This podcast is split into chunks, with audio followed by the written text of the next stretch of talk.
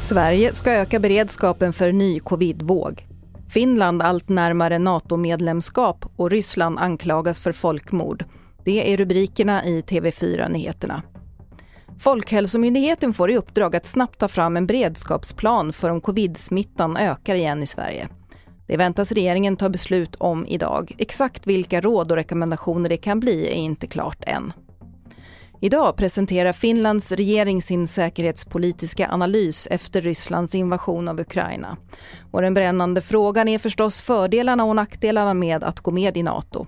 En fråga som också ligger högt i finländarnas medvetande just nu. You know, we have to take it, you know, a bit slower and reevaluate what are the promises of joining NATO, like what kind of things Finland is supposed to do when it joins, the responsibilities that it has to carry out versus uh, the benefits that it's supposed to get. I will be in favor for that if they decide that we should do it. But it's a difficult, it's a difficult uh, decision. I mean, it's it's so much something that we never thought we're gonna do. Så till Ukraina. Det kommer uppgifter om att 21 000 människor har hittats döda i staden Mariupol, det säger stans borgmästare. Han anklagar också Ryssland för folkmord och det gör även USAs president Joe Biden. Vi har vår reporter Johan Fredriksson i Odessa och han säger så här om de militära aktiviteterna i Ukraina. Vi får inte filma det.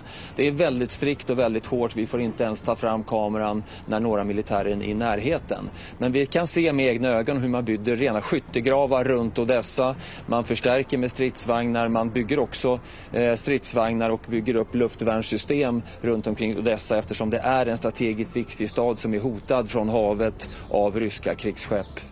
Mer om utvecklingen i Ukraina i tv4.se. Slutligen kan vi berätta att det har kommit in rekordmånga anmälningar till IVO, Inspektionen för vård och omsorg, om oseriösa aktörer inom skönhetsbehandlingar som fillers och botox. I somras infördes en lag som ställer högre krav på utförarna. Sedan dess har tipsen strömmat in till IVO och 18 personer har anmälts för att utföra behandlingar utan rätt kompetens. Och det får avsluta TV4 Nyheterna. Jag heter Erika Magnusson.